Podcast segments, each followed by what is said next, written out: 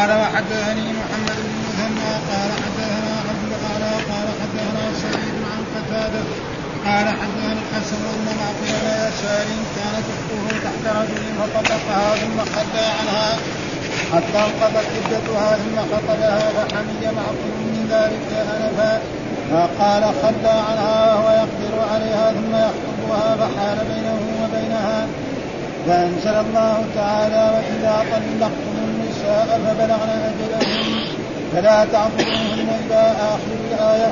فدعاه رسول الله صلى الله عليه وسلم فقرأ عليه فترك الحمية واستقاد لأمر الله.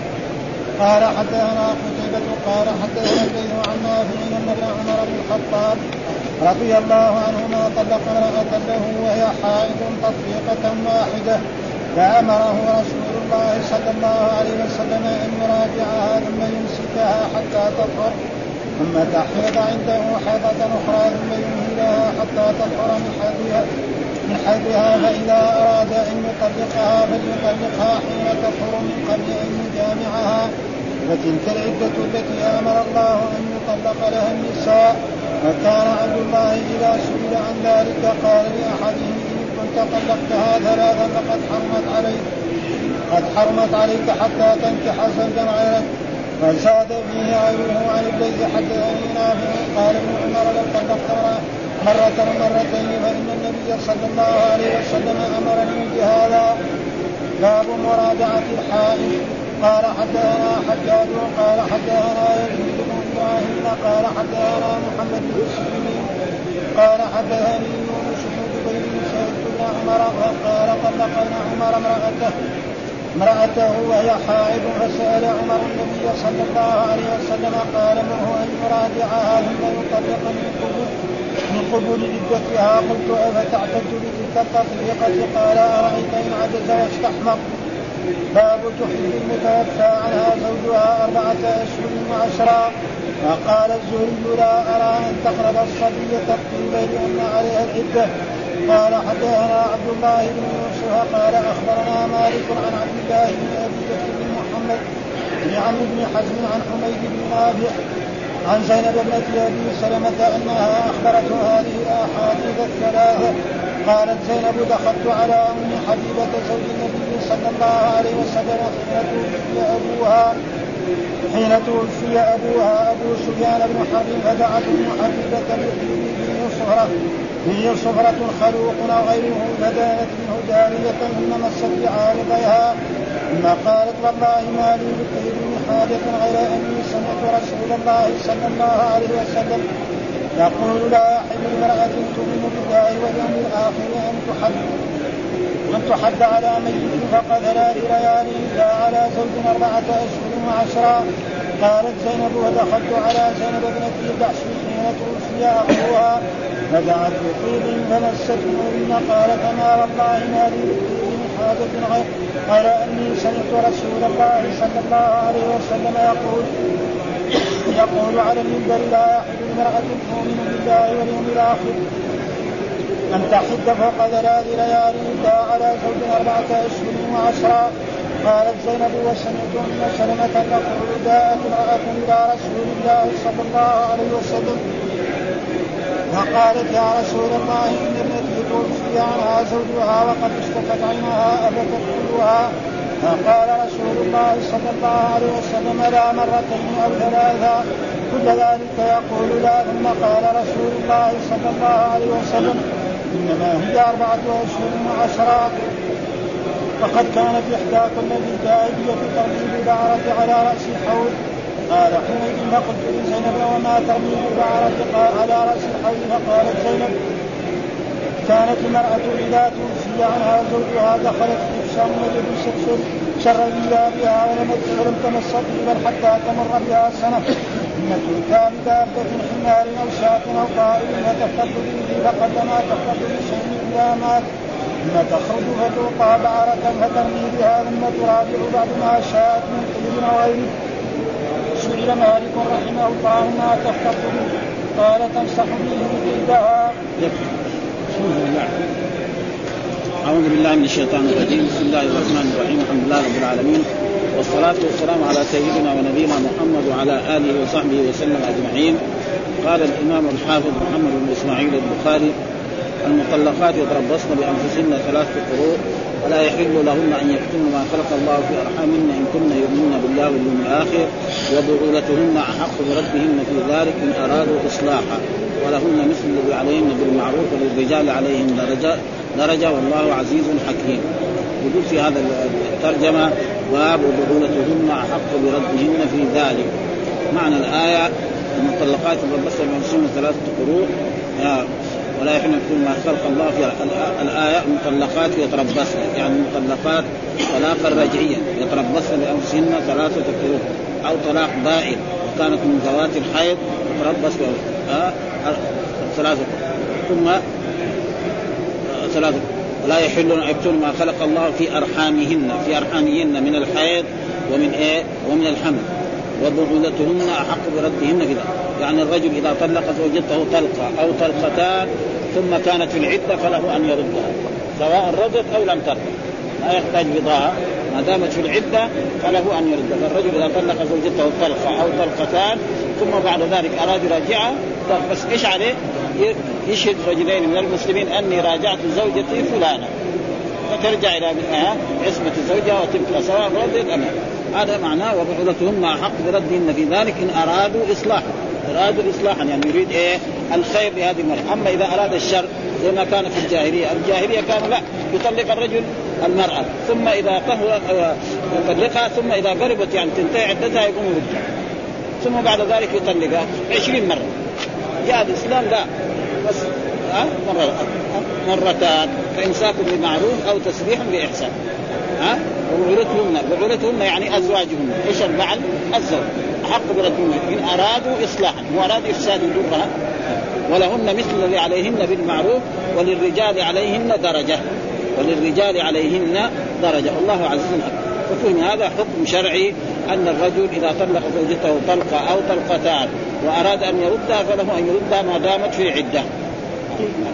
فإذا انتهت عدتها فلا يمكن يردها إلا بعقد جديد فإذا أرادت بعقد جديد فبها ما أرادت ليس له أن يردها هذه الآية يعني الترجمة فيها حكمين. حكم الرجل يطلق زوجته وطلقة أو طلقتان فله أن يردها ما دامت هي في العدة.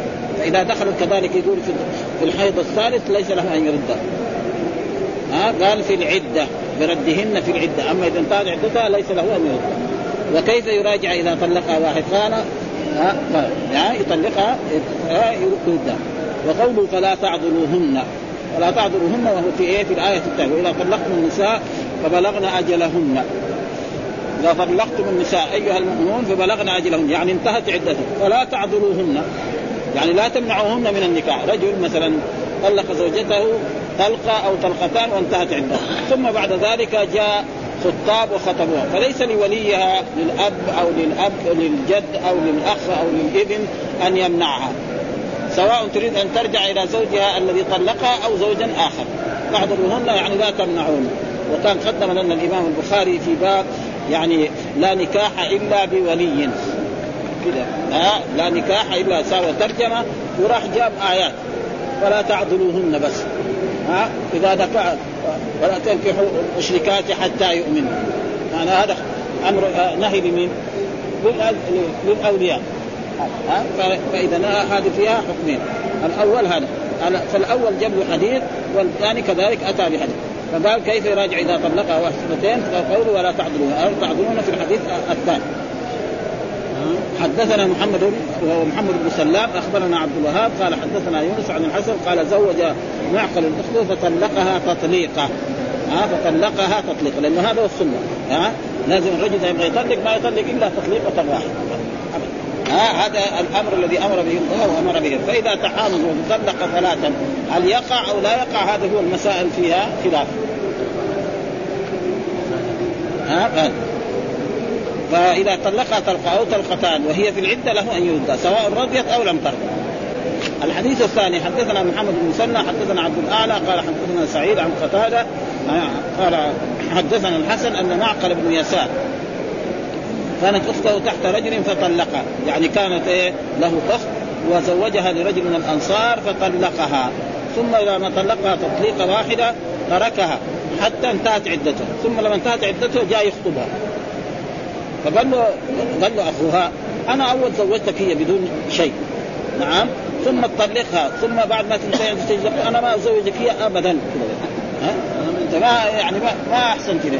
لا لا أزوجك هي ابدا. أول زوجناك اياها ثم بعد ذلك تطلقها ثم الآن تجي تخطبها فقال فحمي معقل. يعني إيه؟ صار في حمية. على أختك كيف أول ازوجك اياها ثم تطلقها كمان ثم تجي تخطبها ثاني مرة؟ ابدا. ها؟ يعني فقال خلى عنها وهو يقدر عليها. يعني طلقها وهو هي في عصمة. من قال له يطلقها؟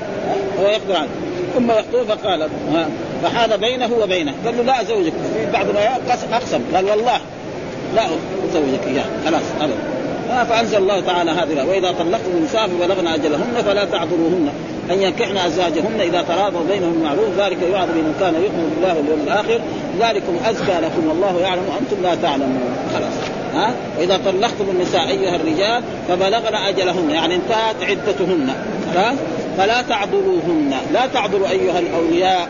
نعم إذا أرادت تتزوج رجلا آخر أو نفس زوجها الأول أرادت أن ترجع عليه زال الخلاف اللي بينهم أو أحبته أو هو أحبها إلى آخره. فدعاه رسول الله دعا رسول الله معقل بن يسار هذا فقرأ عليه رسول الله فترك الحنية. ها واستغاد لأمر الله. أن الله يقول يعني فلا تعذروهن فدغري قام زوجوا إياه ثاني حسب أمره. وهذا هو المؤمن. ها؟ إذا دعوا إلى الله ورسوله يحكم بينهم أن يقولوا سمعنا وأطعنا وأولئك هم المفلحون. يعني الفائزون بالظفر.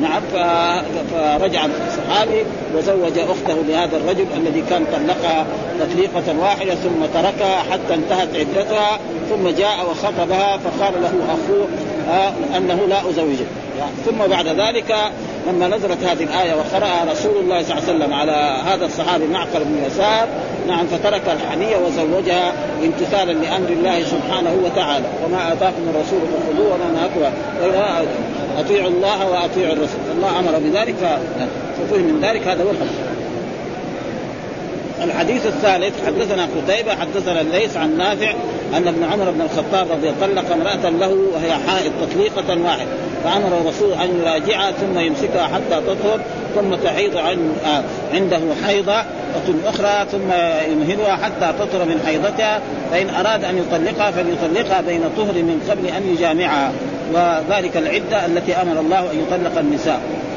يقول فيها حدثنا هؤلاء الأئمة قتيبة الليث بن سعد عن نافع يعني عن ابن عمر أنه طلق امرأته طلق عبد الله بن عمر امرأته وهي حائض فكأن عمر عنده شيء من هذا فهو ما راح سأل معلوم أن هذا مين اللي يسأل؟ الأب في هذه المسألة لأن هذه قد قد يخجل الولد الشاب أن يسأل مسائل مثل هذه فجاء عمر وسأل. قال إن عبد الله بن عمر طلق زوجته طلقها ولكن كانت حائض فأمره رسول الله أمر رسول الله عمر أن يبلغ عبد الله بن عمر أن يردها. أن يراجعها ها؟ أن يراجعها ثم يراجعها ثم يمسكها حتى تطهر ثم تحيض عدة عنده حيضة أخرى. ثم يمهلها حتى تطهر من حيضته ليه؟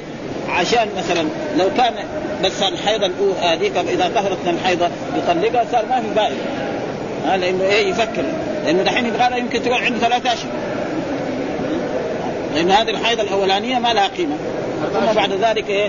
تطهر وتحيض ثم تطهر مرتين وفي حديث لا مرة واحدة. يعني غير هذه الأولى. دحين في هذا الحديث ثلاثة كانوا هذيك الحيضة الملغاة اللي في اللي في الحيض هذيك ملغاة. ما هي معتبرة. ثم بعد ذلك إذا طهرت تجلس وما يمسها. حتى يجي الحيض ثاني مرة. متى يجي الحيض؟ يمكن بعد 15 يوم. يمكن بعد 20 يوم. يمكن بعد 25 يوم. ثم بعد ذلك تطهر ثم بعد ذلك تحيض ثم بعد ذلك تطهر إذا فبعد ذلك إن حب ما يبغاها وإذا أحب يمسكها امسكها طيب هل هذا الطلاق يعد أو لا يعد؟ هذا هو الموضوع. هل هذا الطلاق يحسب أو لا يحسب؟ هذا هو وكل العلماء والأئمة الأربعة كلهم يقولوا أن هذا الطلاق يحسب. ونفس البخاري يقول وحسبت من طلاقها. حسبت من طلاق يجي ابن القيم نعم وشيخ الإسلام ابن تيمية يقول حسبت من طلاقها. هذا حسبت فعل مبني للمجهول. مين اللي حسبها؟ إذا كان حسبها الرسول في حديث حسبها رسول الله صلى الله عليه وسلم. خلاص ما انتهيت وإذا حسبها شخص ما ايا كان فهذا محل نقاش. ها وبحث هذا البحث ويجيب أدلة كثيرة. ها يعني يقول هذا حكم شرعي. الله قال للرجل كم طلق؟ طلق طلق. مثلا يعني مثال يقول الصلاة. قال لك صلي المغرب ثلاث ركعات. إذا صليت أربعة صليت أنت؟ ما صليت. هذا هذا حكم شرعي احكام شرعيه هذولاك يقولوا لا. يقول أن الطلاق هذا ملك الزوج. الله ملك الطلاق لمين؟ للزوج. ما ملكه للمرأة لو قالت أنا طلقت نفسي خمسين مرة. كلام فارغ. ها؟ ف... فملك. فقال له أنت ارشده إنك تبغى تطلق أيها الزوج طلق طلقة. ثم بعد ذلك تبغى تردها تردها ثم فإذا هو تحامق وراح هذا الشيء الذي أعطاه الله وملكه إياسا وحماقه وطلق ثلاثة أو طلق في الحيض. ها؟ فهل نحكم عليه بهذا؟ هذه هي المسألة. ولا مسألة يعني يعني خلافية من قديم الزمان وعلى كل حال الآن العلماء لا يفتوا بهذا ها؟ ما يفتي إلا الشيخ ابن باز يفتي بهذا أي رجل يطلق في الحيض فإنه لا يحسبه ورد كثير هنا في المدينة من شباب يتحامل ويروح يرد لهم. لكن غيره لو فعل هذا يمكن يتلابشوا معاه القضاة والحكام ها؟ دائما الشيخ ابن باز يعني يعني الرئيس للإفتاء. خصوصا دحين يعني هذا قبل لا يصير رئيس الافتاء على كل حال مسألة فرق الشيء الذي نريده من طلبة العلم أنه ما يجهل الذي إيه يقول هذا كيف يخالف الأئمة. هذا هذا ما ينبغي. الأئمة علماء وهذول علماء. فإذا ظهر لهم شيء فإذا هو ما يرى يقول أنا ما أقول بهذا خلاص. أنا لا أقول عند أن طلاق الحيض يقع. الثاني يقول طلاق الحيض لا يقع. ما نقول له أنت جاهل أو أنك أنت ما تعرف أو أنك والناس العلماء اللي قبلك أحسن منك. كلام زي هذا ما ينبغي. ها لأنها مسألة علمية فرعية. هذا الإنصاف وهذا الشيء الذي حسبت مبني للمجهول. ها؟ إيه؟ قد ما يطيب النحو أيوه لا مبني به ها؟ يكون حذف الفاعل للعلم به اي مو هذا. هذا لك يقول لكن إحنا نبغى لازم ولو حديث واحد؟ يعني الاحاديث حق كثيرة. إيش؟ يقول وحسبت من طلاقه مين اللي حسبها؟ فإذا حسب ودحين يقول حسبت من طلاقه نعم يقول هم حسبها الرسول. إثبات هذا لازم يجي في إيه حديث. حسبها رسول الله صلى الله عليه وسلم. ما في شيء يعني كل الروايات الموجودة في طلاق عبد الله بن عمر حسبت. والبخاري محدث ما يحتاج من أئمة الحديث و ومتع وليس عنده تعصب ابدا. ومع ذلك يقول وحسبت من طلاقه ويعتبر هذا طلاق. ويجي الأئمة يجي بعضهم قبله جو الأئمة قبله يعني ها جاء جاء جاء الإمام حنيفه والامام مالك والشافعي وأحمد وكلهم قالوا إنه وجو العلماء كمان لغيرهم ها الأئمة. لكن دحين فيه يعني في من يوافق إيه؟ يعني إيش الشيخ الإسلام. مثلا يوجد الآن الشوكاني يمكن يقول بهذا ها ها وصديق خان أظن. وهذول الجماعه المحدثين. فإذا المساله مسألة فرعية لا يعني يلابس فيها ها؟ يراجع ثم يمسكها حتى تطهر ثم تحيض عنده حيضة ثم أخرى ثم ينزلها حتى تطهر. فإذا أراد أن يطلقها فليطلقها حين تطهر من قبل أن يجامعها. لأنه الطلاق على نوعين طلاق سنة وطلاق طلاق بدعة. فطلاق السنة أن يطلقها في طهر لم يصبها. أما إذا طلقها في طهر اصابها هذا طلاق إيه؟ بدعة. هل يقع أو لا يقع؟ هذا هو كمان برضه الظاهر انه هذا يقع. وتلك العدة التي أمر الله أن يطلق لها النساء وهو إيه؟ يا أيها إذا طلق طلقوهن لعدتهن إيه؟ في قبل عدتهن يعني في الطهر وهذا وهذا الحديث مما يستدل به على أن إيه؟ أن أن المراد بالأقراء هو الطهر أن المراد بالأقراء هو الطهر وهذه مسألة كذلك فرعية فيها خلاف بعض العلماء يرى أن الأقراء هي الحيض وبعض العلماء يرى أن يعني الاقراء هي الطهر. والإمام يعني مالك والإمام الشافعي يرى أن الطهر هو الطهر. الإمام أبو حنيفة والإمام يعني أحمد يرى أن الأقراء هي إيه؟ وتقدم لنا أن أن الأقراء يعني اصله يشمل ثلاث أشياء من جهة اللغة العربية. الطهر والحيض وكذلك يعني الضم الوشام الذي فيها الجنين يسمى كذلك قرب بقي إيش؟ الحكم الشرعي؟ إيش المراد بالقرب في, الآية؟ هذا هو الباقي فهذا هو ساكن وثم مو بس هذول بعض الصحابة يعني عائشة تقول الأقراء الطهر. ومدري جملة من الصحابة كذلك. ويجي جملة من الصحابة يقولوا أن الافراء الحيض. وهناك حديث موجود. آه المرأة المستحاضة لما سألت قال دع الصلاة أيام قرئ حقيقة هذا صريح. مرة. ها؟ دع الصلاة أيام قرئ هذا كلام الرسول صلى الله عليه وسلم للمرأة المستحاضة. فزي ما يقول مسألة فرعية ولا إيش يقول المتأخرين. ما يقدر يساوي شيء. مسألة من زمان. لا لا يعني 14 قرن. بقي هذا. فالذي رأى هذا يحكم بهذا والذي رأى هذا يحكم بهذا. ولا يجهل أحدهم الآخر. هذا الذي الشيء الذي أنا أراه وأدين الله به. آه وأما يقول لا هذول ما يفهموا وأنه كذا وهم ما هم افهم من الأئمة. هذا كلام هذا مو كلام يعني علمي. ها؟ إن المتاخرين المتقدمين افهم صحيح المتقدمين يمكن أتقى لله صحيح؟ لكن تيجي مسألة يوجد في النهر ما لا يوجد في البحر فهذا الشيء الذي يعني يمكن ها؟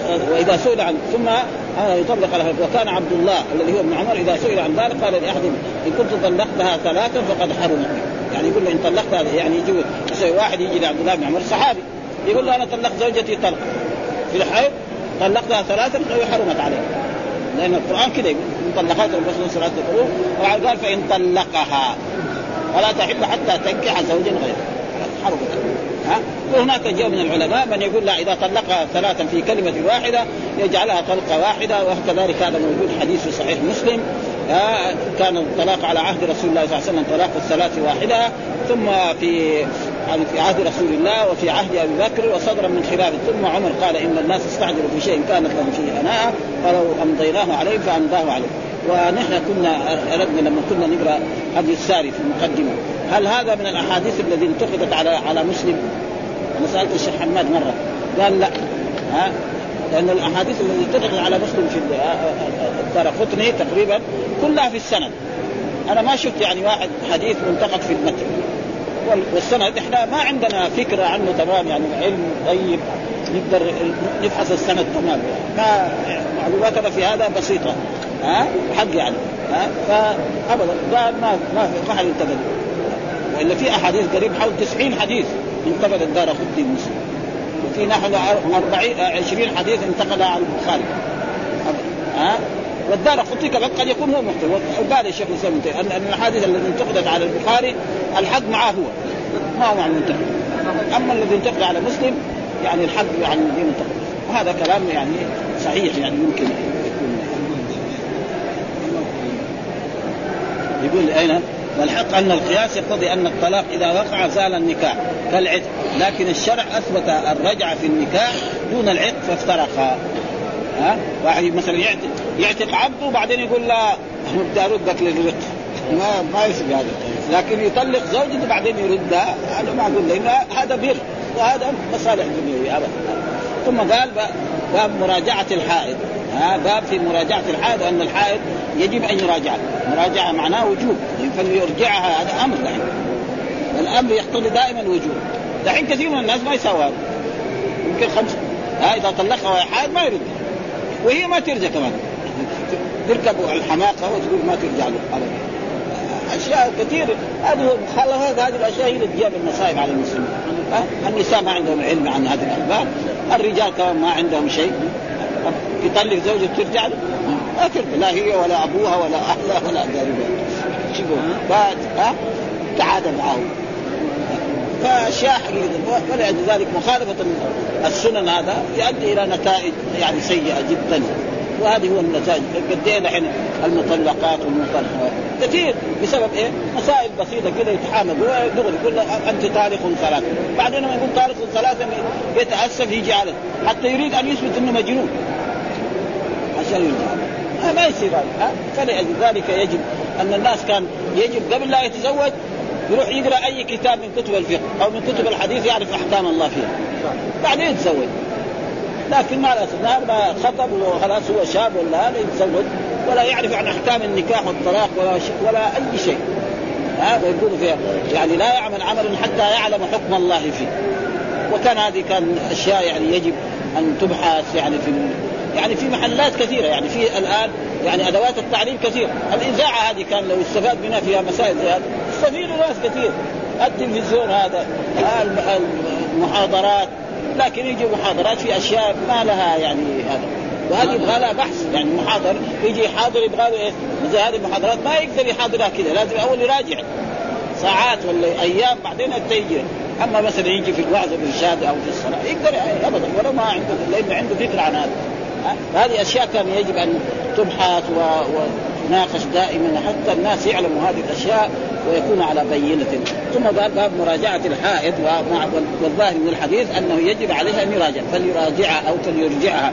ها إيش الدليل؟ قال حدثنا حجاج بن يزيد ها ابن إبراهيم حدثنا محمد بن سيرين حدثني يونس بن جبير سألت ابن عمر فقال طلق ابن عمر امرأته وهي حائض فسأل عمر النبي صلى الله عليه وسلم قال مره أن يراجعها ثم يطلق من قبل عدتها من قبل عدتها من قبل عدتها يعني في أول عدتها وهو في طهر لم يصبها في قبل عدتها من قبل عدتها يعني في أول عدتها وهو في طهر لم يصبها قلت أفتعتد بتلك الطلقة؟ قال أرأيت إن عجز وأستحمق.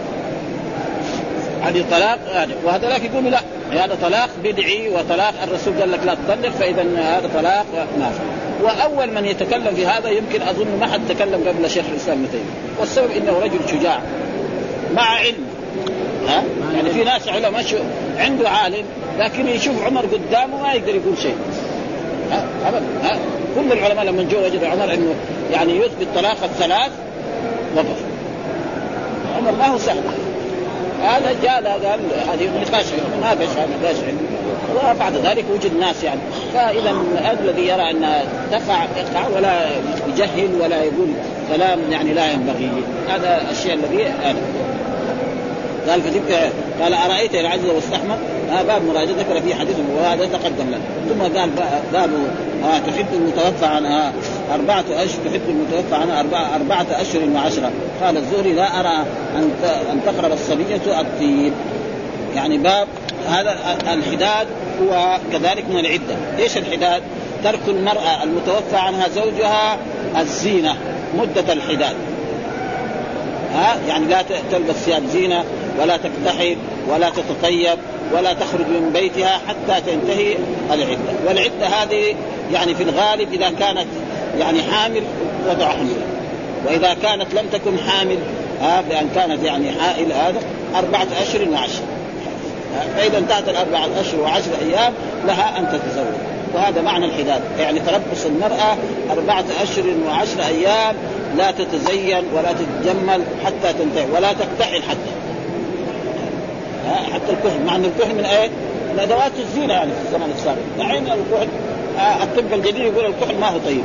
كم مرة قريب هنا تقرا في الصحف الجديدة هذه يقول حتى أول تمسك الصحف وقرأت في في الصحف الصحف هنا يقول أن الطفل الذي يولد لازم ما يكحل. مع إنه هنا دحين أهل المدينة كلهم وكل هذا الطفل الذي يولد يكحل. يقول إيه؟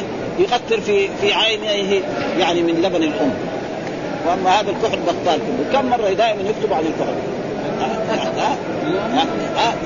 جرايه صحن يعني صدفه اقرا مرات يقول ابدا ما هو طيب فالكحل كان زينه يعني ابدا فيقول هذا باب تحد المتوفى عنها زوجها أربعة أشهر وقال الزهري لا أرى أن تقرب الصبية الطيب يعني إذا مثال لذلك رجل تزوج طفلة لم تبلغ عقد عليها أو دخل بها ولو ما جامعها نعم ثم بعد ذلك توفي فهل تحتد تحد هذه ولا ما تحد؟ الجواب تحد.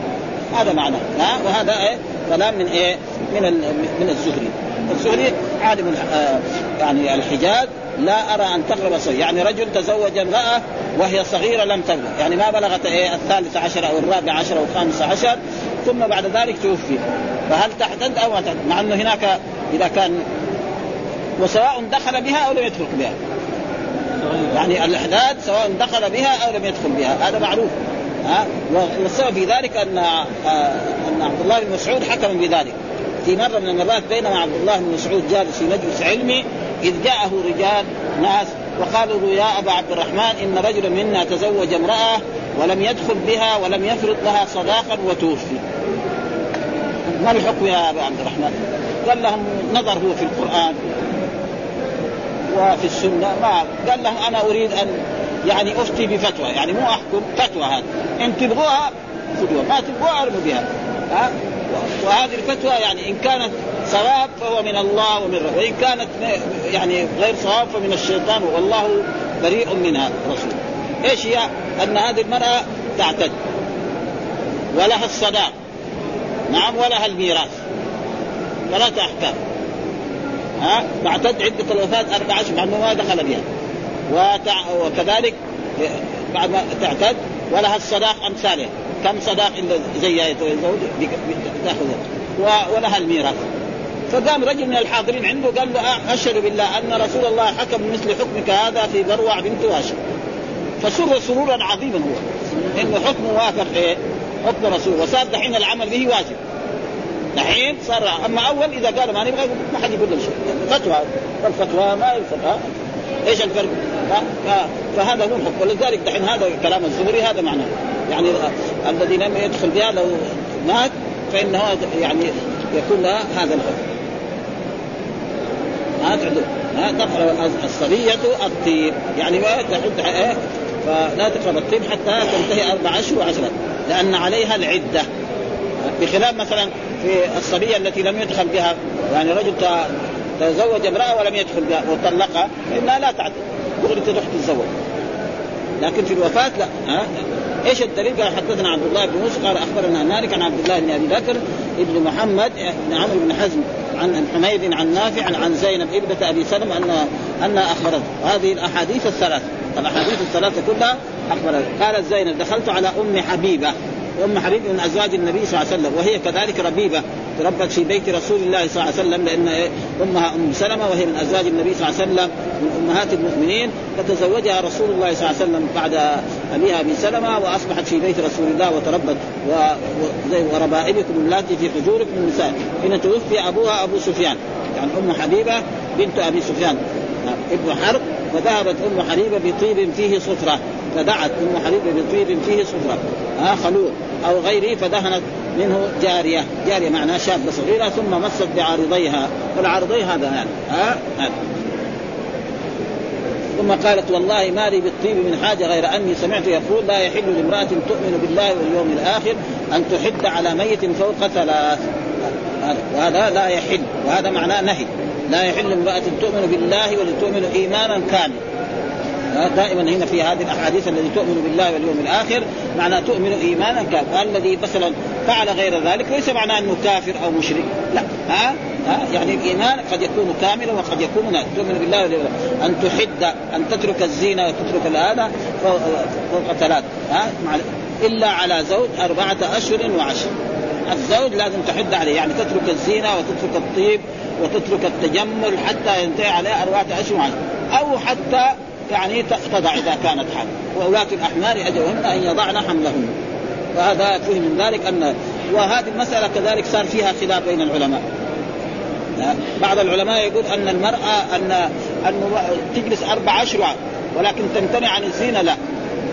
وهذا قد شفت هذا كان في أول ما رأيناه في زاد المعاد ابن القيم.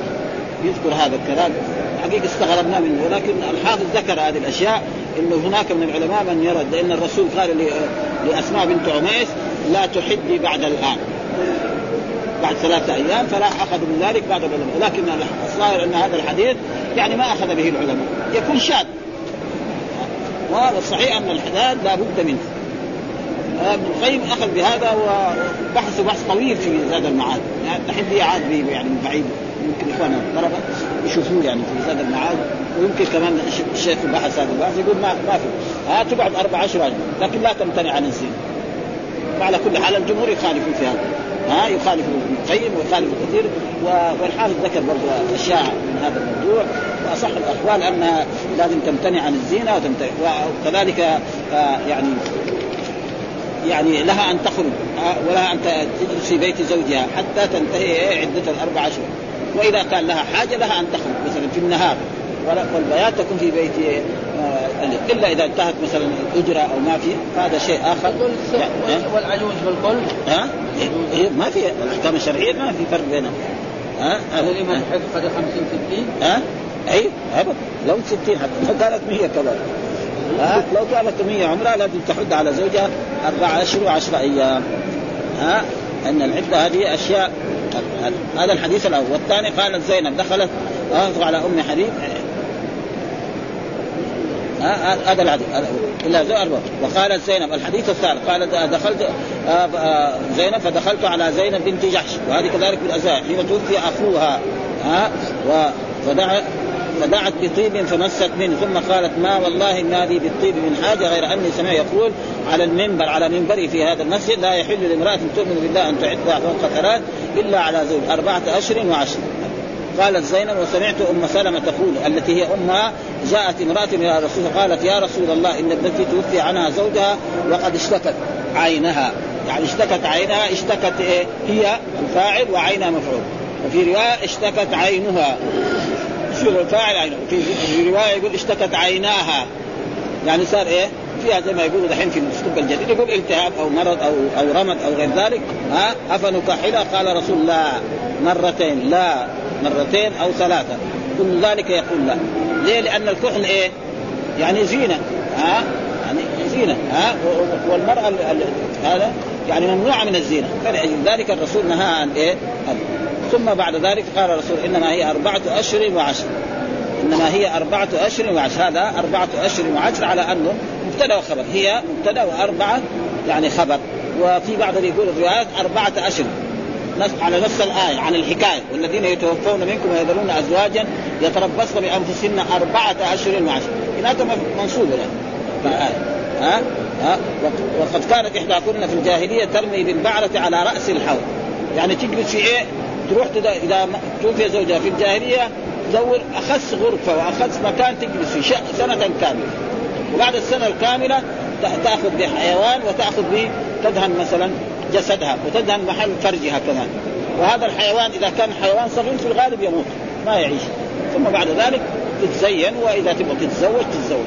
فجاء الإسلام الآن تخفيف بدل سنة كاملة كم أربع اشهر وعشر أيام. فلازم إيه؟ من الجلوس هذه المدة ولا يمكن غير ذلك وهناك الذين قالوا يعني وقال حميد ها فقلت لزينب الذي هو أحد الرواة الذي هو يعني في أول هذا آه، آه، آه. حميد حميد بن نافع عن زينب الذي هو أحد إيه التابعين وما ترمي بالبعرة على رأس قالت زينب كانت المرأة إذا توفي عنها زوجها دخلت حفشا يعني محل صغير ولبست شر ثيابها ولم تمس طيبا حتى تمر بها سنة ثم تؤتى بدابة حمار أو شاة أو طائر وتفقد به يعني تمسح بها جسدها وتمسح بها فرجها فقلما آه، تفقد بشيء إلا ما خصوصا إذا كان طائر. ما لما تمسح بهذه المحلات آه يعني ما في الغالب يمكن الحمار الحمار معناه تفقد به ما ما تجعل يعني الحمار الحمار شيء فحيوان حيوان كبير. آه إلا من ثم تخرج فتعطى بعرة فترميها ثم تراجع بعد ما شاءت من طيب أو غيره سئل مالك ما تفضل به قال تمسح به جلدها. ها؟ تمسح به جلدها. فلذلك أصح الأقوال أن المرأة الذي توفى عنها زوجها لازم تترك الزنا مده أربعة اشهر وعشر أيام. هذا هو الصحيح. والذين قالوا ذلك على كل حال قولهم يعني مرجوح جدا. منهم ابن القيم ويمكن في ناس آخرين يقولوا ذلك. واصح الأقوال إنه لابد أن تعتد وهذه. فإذا كانت حامل حين تضع حملها وإذا لم تكن عامل تقعد أربع اشهر وعشر أيام ثم بعد ذلك يقول قيل الحكمة فيه أن الولد يتكامل تخليقه وتنفخ فيه الروح بعد مضي 120 يوما وهي زيادة على أربعة اشهر بنقصان الأهلة فجبر الكسر إلى العقد على طريق الاحتياط. وذكر العشر مؤنثا لإرادة الليالي والمراد مع أيامها عند الجمهور فلا تحل حتى تدخل الليلة الحادي عشر.